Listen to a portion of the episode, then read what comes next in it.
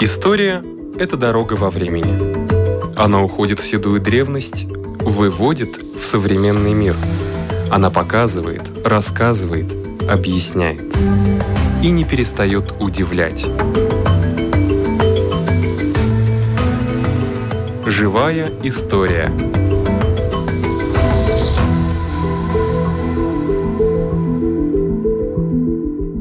У микрофона Лидия Чера.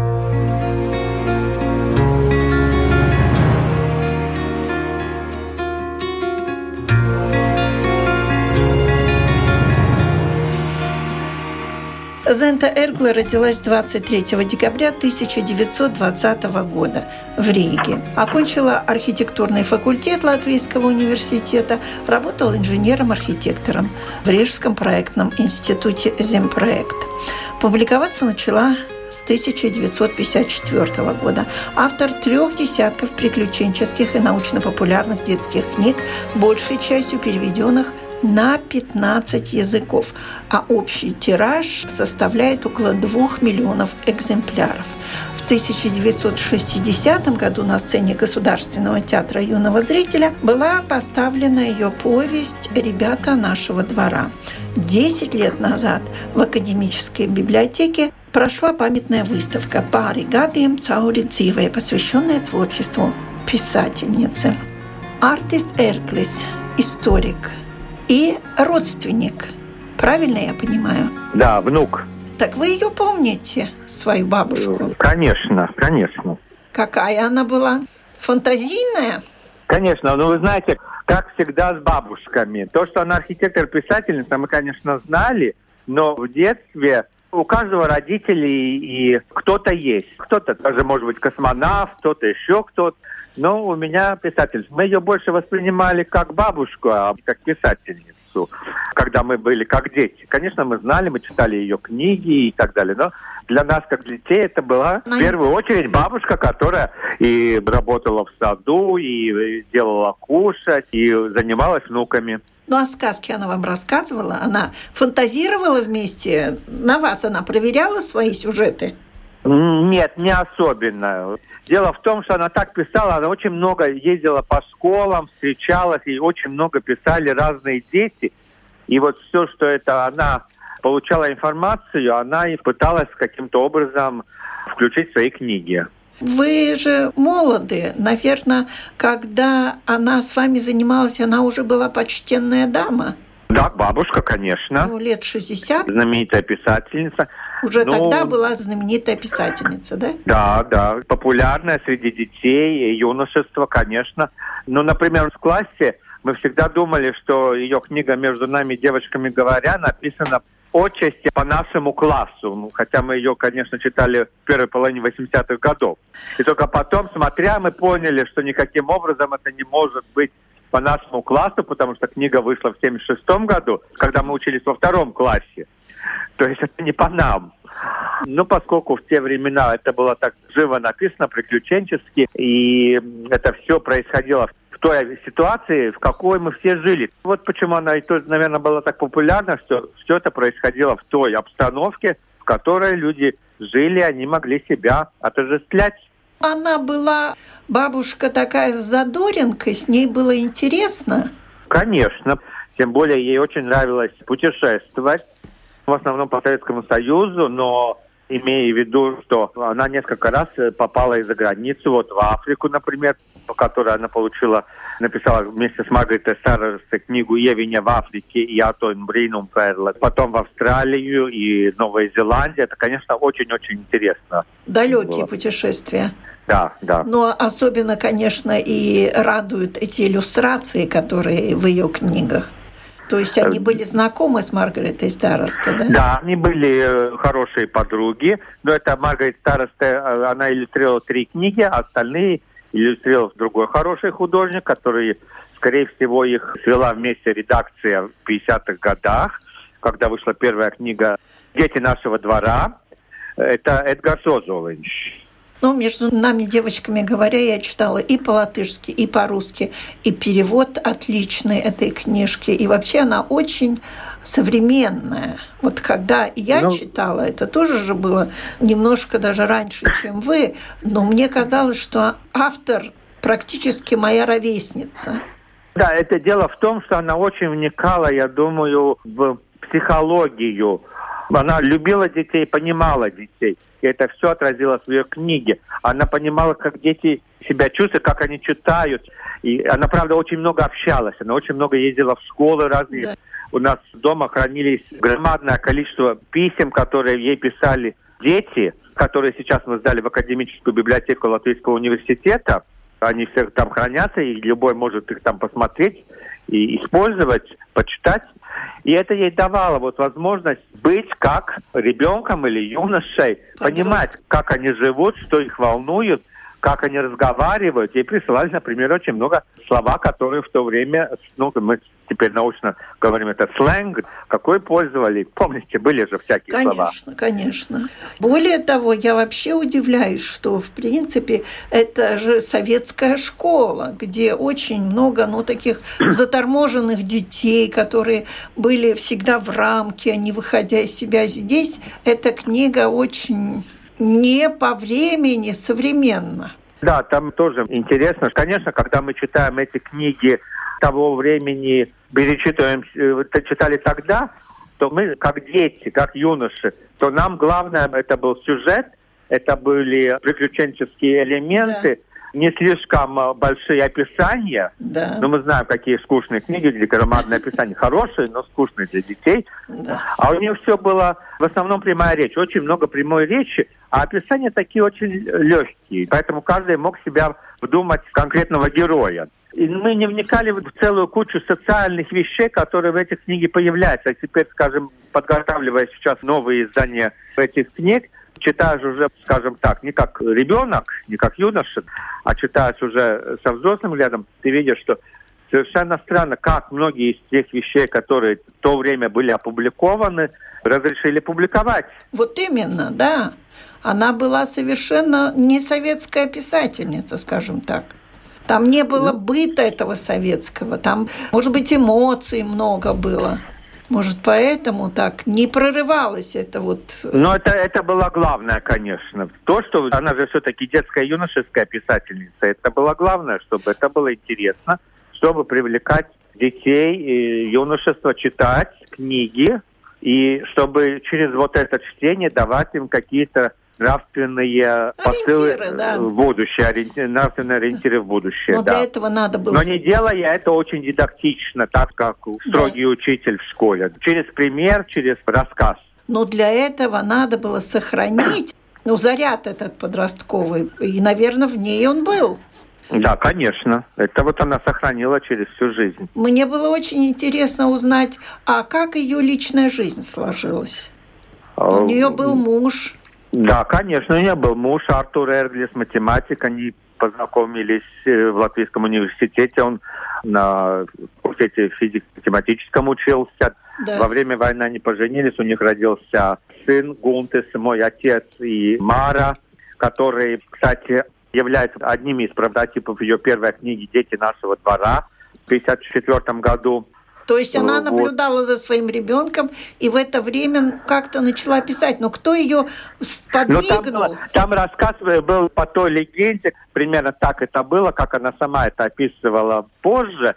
Она заболела инфекционным заболеванием, и очень похоже, как сейчас. Ей надо было находиться на самоизоляции в комнате. Да мне нельзя было заходить и так далее. А дети, они-то хотят все рассказывать, что во дворе происходит. И они стояли за дверьми и рассказывали, что у них в школе происходит, что во дворе. И она начала помаленьку это все записывать. Вот так родилась первая книга. Но кто ее сподвигнул вообще отдать? Мы все что-то пишем, и особенно вот в таком молодом возрасте, когда очень много эмоций, мы что-то записываем, кто-то пишет стихи, кто-то пишет прозу, но не хватает ведь того толчка, чтобы как бы оценить, ты писатель, поэт, или ты просто, просто бумагоморатель, скажем так. А у нее это удалось. Кто-то, значит, стоял рядом. Скорее всего, наверное, кто-то почитал, это мы сейчас сказать не можем точно Ильяна отправила, потому что сначала ее первую книгу опубликовали в журнале Берниба «Детство». Она прошла в нескольких номерах. Я такого журнала не помню. Берниба такой журнал был, потом это был журнал Драукс, он переименовался уже в более поздние времена. И только после того, как было в журнале, писали много детей, что очень интересно и так далее, Издательство, конечно, решило издать это уже в формате книги. Она стала очень популярной. Ее сразу перевели тоже на русский язык потом и, и на литовский, и на эстонский, и на украинский, и на белорусский, на многие очень языки другие перевели. И так вот начался. Но дело в том, что она писала уже до этого. Это не были детские юношеские книги, но у нее есть целая серия статей по архитектуре и по истории архитектуры, которые публиковались в периодике начала 50-х годов. Поэтому, наверное, и вышла такая книга, о чем рассказывают дома и улицы. Да, Старой Риги. Тоже это да, дань да. ее архитектурной да, вместе второй половины. Целого. Да, и она, можно сказать, не в ущерб архитектуре занималась писательством, да? То есть она совмещала это. Ну, она, конечно, совмещала, ну, сколько это получалось, потому что ей надо было работать, надо было зарабатывать тоже деньги. И вот параллельно она и писала, она была как слуга двух господ – архитектуры и литературы. Вы жили отдельно, ваша семья, от бабушки? Нет, мы жили э, все время, вплоть до почти середины 80-х годов, все вместе большой дружной семьей. В каком-то доме или в квартире? Где? В квартире. Это известный дом, это первый писательский дом, но сейчас на улице возле бара 145, в то время это была улица Горького 145. Первый писательский дом, который построил э, Литфонд. И она в 66 году получила там квартиру. И сколько вас жило в этой квартире? Много человек? Ну, мы жили там, она с мужем, э, да. тетя, потом у наша тетя, ее дочка Мара, у которой родилась наша э, дочка Агнесса, мама, То есть человек братом. 10, по-моему. Да, довольно много человек. Человек 10. Да. И у нее контакт все время с детьми был. То есть, соответственно, ей было чем Все время и, и, в, и в семье, и, как я говорю, она очень много ездила по школам очень много встречалась со своими читателями. Но когда она не встречалась со своими читателями, она встречалась с вами. Вы были всегда под рукой. Вы себя лично не находите в какой-то книге вот про образом? Есть два рассказа, которые опубликовали в конце 60-х, начале 70-х годов журнал «The Elite». И там главным героем в саду есть серия рассказов «Бринумайна сбрилась», «Магические очки». Там главный герой – 5-6-летний мальчик, артист. Но дело в том, что в то время, когда она эти рассказы, мне было два года, то есть я был только вот как прототип. Это ясно, что не по моим тоже, может быть, похождениям, а это вот так она представляла, как это может быть. Но использовала, да. Вообще она была здоровой по жизни или какие-то ее болезни преследовали? Ну, как у любого нормального человека, всякие болезни, особенно с возрастом, развиваются. Так, это нормально, но так ничто такого слишком особенного не было. Ну, энергичная скажем, женщина бы... была, да? Конечно, да. Тем более ей нравилось также в саду работать. Это наш, мы до сих пор сохранили вот, сад и дом, который она сама проектировала в Икшкеле. Там тоже есть дом ее, да? Да, да. Вот сейчас э, столетие ее каким-то образом будет отмечаться? Конечно, мы планировали. Были да. и вместе с Икшкельской библиотекой, школа были задумки и так далее, но эпидемиологическая ситуация в стране и в мире в целом такова, что, конечно, это было бы неправильно что-то организовывать. Хотя я знаю, что во многих библиотеках в Латвии были сделаны такие небольшие выставки с ее изданиями. Икшвильская средняя школа сделала такой скетч театральный э, на удаленке, который можно было можно в интернете посмотреть. Ну вот такие небольшие. Были запланированы два издания книги на столетие, но, видите, в связи с этим ситуация ничего такого не произошло. Сейчас но ну, я думаю, бабушка бы это восприняла очень нормально, тем более, что даже в советское время, ну, представляете, она родилась в самом конце месяца, ну, там уже Рождество не праздновали официально, но Новый год, уже новогодние елки, и обычно ее юбилей, 50 60-летний юбилей праздновали в январе следующего года. И поэтому, да. если все будет хорошо с вакциной и ковид пойдет на спад, то, я думаю, мы сможем праздновать 101 101 юбилейный. год, да? 101 год, тем более, что это очень интересная дата, потому что с обоих концов она читается одинаково. Вы как библиофил собрали практически все книги бабушкины?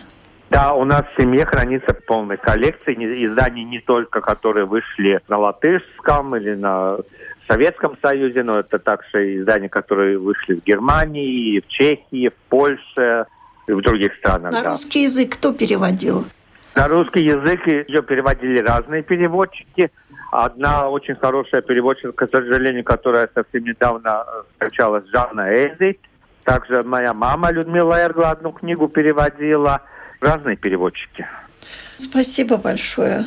Надеюсь, дождемся юбилея. Ну, и дождемся, достойно, конечно. Достойно да, конечно, дождемся. Я хочу издать эту Евиня в Африке заново.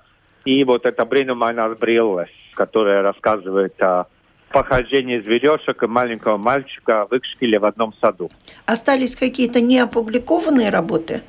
Нет, у нее никаких особых неопубликованных работ нет, но все манускрипты, которые были, были наброски, конечно, которые не выросли да. дальше, но манускрипты все тоже сохранены, которые были, они тоже переданы в академическую библиотеку Латвийского университета, где создан ее фонд, и любой там может работать, в том числе в наше время уже две магистрантские работы написаны по ее творчеству, да, используя эти материалы. И там мы видим, что, конечно, не полностью все, что она написала, было в свое время опубликовано. Или нету каких-то героев, скажем, мы уже притронулись между нами девочками говоря, ее продолжение без пяти минут взрослых. И там видно, что там пропали какие-то разделы, там нет каких-то героев полностью и так далее. Но да. почему это было, это сказать сейчас сложно. Конечно. Но в манускриптах они сохранились, и во втором издании они возобновлены. Спасибо за вашу работу и надеемся на лучшее будущее. Конечно, и оно будет. Да, у микрофона был внук Зенты Эргле, артист Эрглес, историк.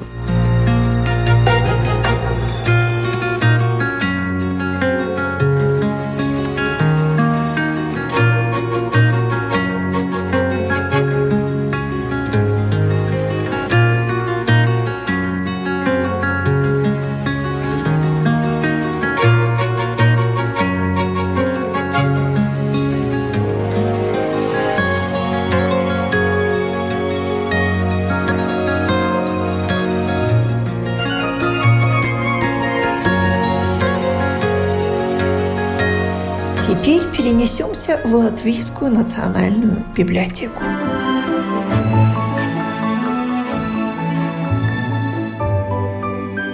историк Мартин Шмейнтаурс. И мне как-то подумалось, вот сколько веков люди читают книги. По-моему, всего два века. Это так активно 19 и 20. А 21 уже как бы меньше читают книги, да. больше электронные всякие приборы, которые у нас угу. есть, телефоны, гаджеты. Да, или электронная книга, как она сейчас называется, да. специальное такое явление. Ну, пока... Два века, да, всего? Ну, два так, века – это такого интенсивного чтения. В силу того, что эти два века у нас существует и пресса, и, конечно, печатные книги, которые выходили уже, как говорится, массовым тиражом. Потому что до 18 18 века действительно книга, конечно, была редкостью. Была редкостью, да, в европейской традиции она, конечно, в первую очередь была связана с Святым Писанием, которое требовало, чтобы оно было в каждом доме в таком идеальном варианте. Но, в принципе, это, конечно, книга ритуальная и книга не для ежедневного чтения. И существовали mm-hmm. даже такие притчи о том, что вот если кто-то прочтет всю Библию с начала до конца, то есть и Ветхий Завет, и Новый Завет, то такой человек от всего этого пережитого, скорее всего, сойдет с ума. Такая притча была еще в XIX веке распространена. Но печатное слово, как таковое, конечно, распространялось после изобретения Гутенберга насчет книгопечатания. И в первую очередь как раз религиозные тексты вышли в таких тиражах. Та же самая Библия, и не только Библия, если говорить там о 16-17 веках, тогда в эпоху так называемых религиозных войн в Европе, которые начались с начала движения реформации в начале 16 века, ну, так эта эпоха религиозных войн, она продолжалась в Западной и в Центральной Европе вплоть до середины 17 века. В эту эпоху религиозных войн очень распространенными стали разного рода листовки, которые печатались как протестантами, так и католиками, и печатное слово приобрело такую форму идеологического оружия. Но помимо этого, как раз в XVIII веке, помимо печатных изданий и прессы, появилась еще одна категория книг в связи с биографией Йохана Готхарда Стендера, старшего, то есть книга, которую мы сегодня называем энциклопедией. Ну, мы говорили тогда о этой книге высокой мудрости Аукстес Гудрибс Грамот, которая появилась на латышском языке в конце XVIII века даже в двух изданиях, в двух разных редакциях. Но это, конечно, самое начало энциклопедического движения. А энциклопедии как таковые тоже появляются с конца XVIII века, но распространяются они уже в XIX веке. С чем это связано? Это связано в основном с тем, что повысился средний уровень образованности и стала необходимая такая информация, которой до того пользовались только ученые или отдельные люди, которые занимались какими-то исследованиями в области разных наук, точных, естественных или гуманитарных и так далее. Но в XIX веке уже появляются так называемые универсальные энциклопедии, как в Европе, так и в России. Но в России это Брокхаус редакции Ефрона, такая универсальная энциклопедия XIX века. И тогда уже создается такое впечатление, что каждая уважающая себя культура должна иметь свою собственную энциклопедию на национальном языке. Если в 16-17 веках это представление распространялось на Библию, что каждая культура должна иметь Библию в своем национальном языке, будь то латышский или какой-то другой, эстонский или литовский, то уже 19 век, он как раз такой уже эпоха секулярная, то есть мирская, и вместо Библии как бы приходит энциклопедия как такой общепринятый стандарт образованности и интеллигенции. Ну, домашнее чтиво, скажем так. Домашнее чтиво, да, и действительно эти энциклопедии с 19 века создавались на таком уровне, чтобы их можно было прочесть человеку без особой подготовленности, то есть не требовалось, чтобы у вас было высшее академическое образование, чтобы вы могли читать универсальную энциклопедию.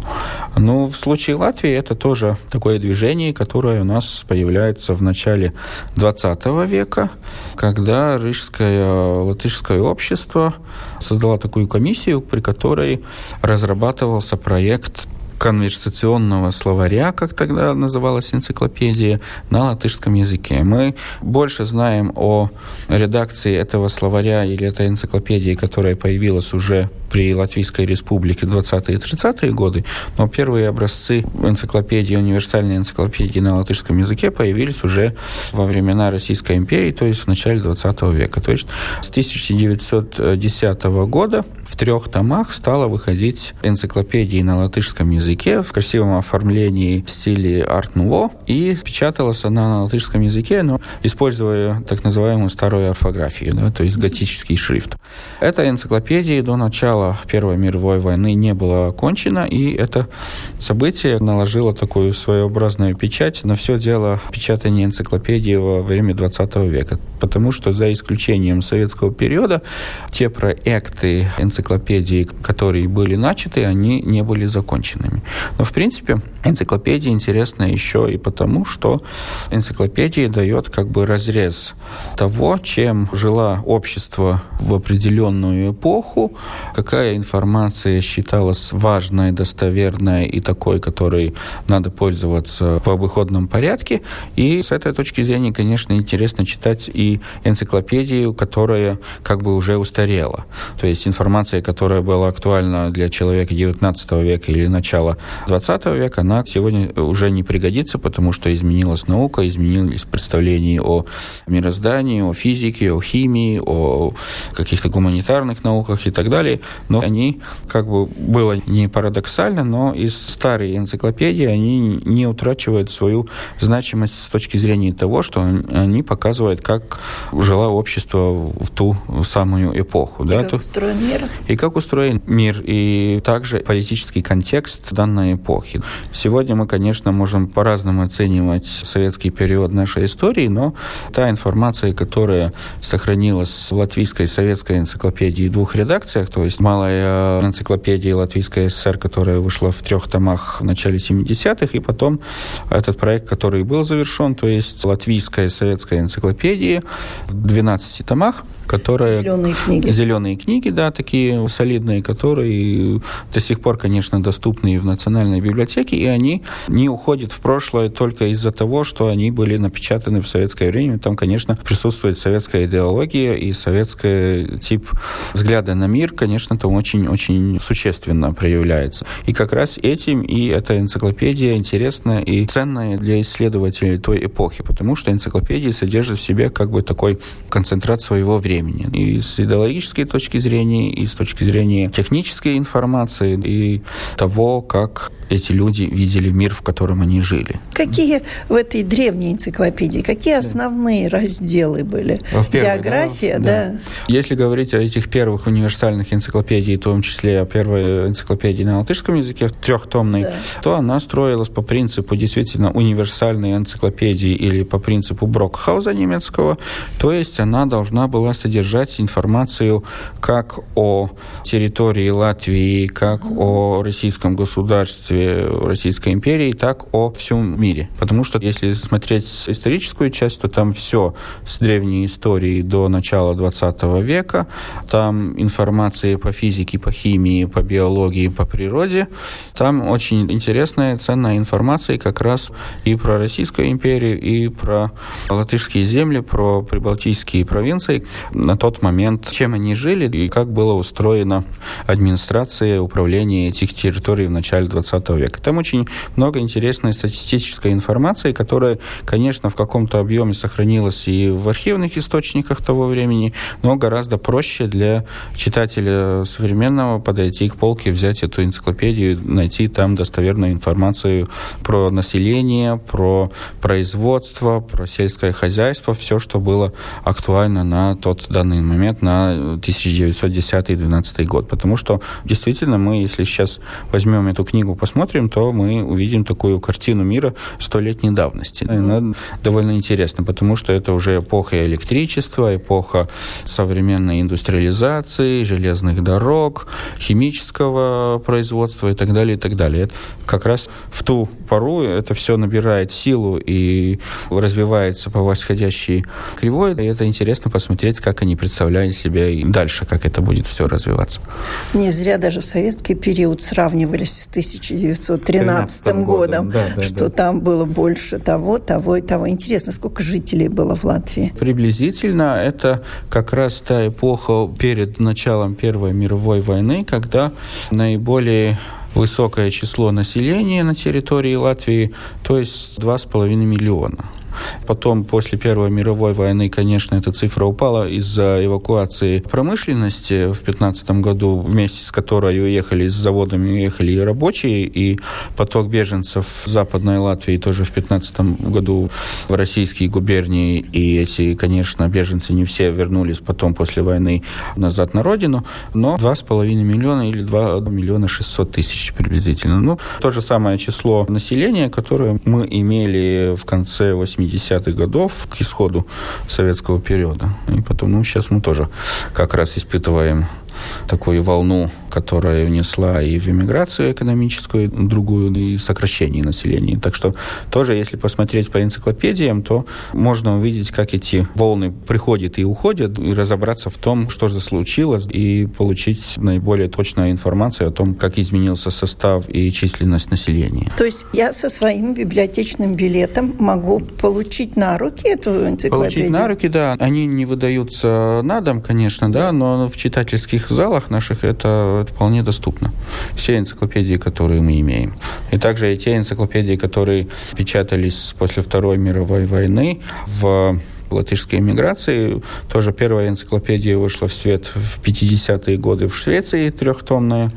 Называлась «Латышская энциклопедия». И потом вторая редакция этой же самой латышской энциклопедии под руководством других уже редакторов вышла в свет в 80-е годы, как раз перед уже восстановлением государства, но еще тогда на Западе.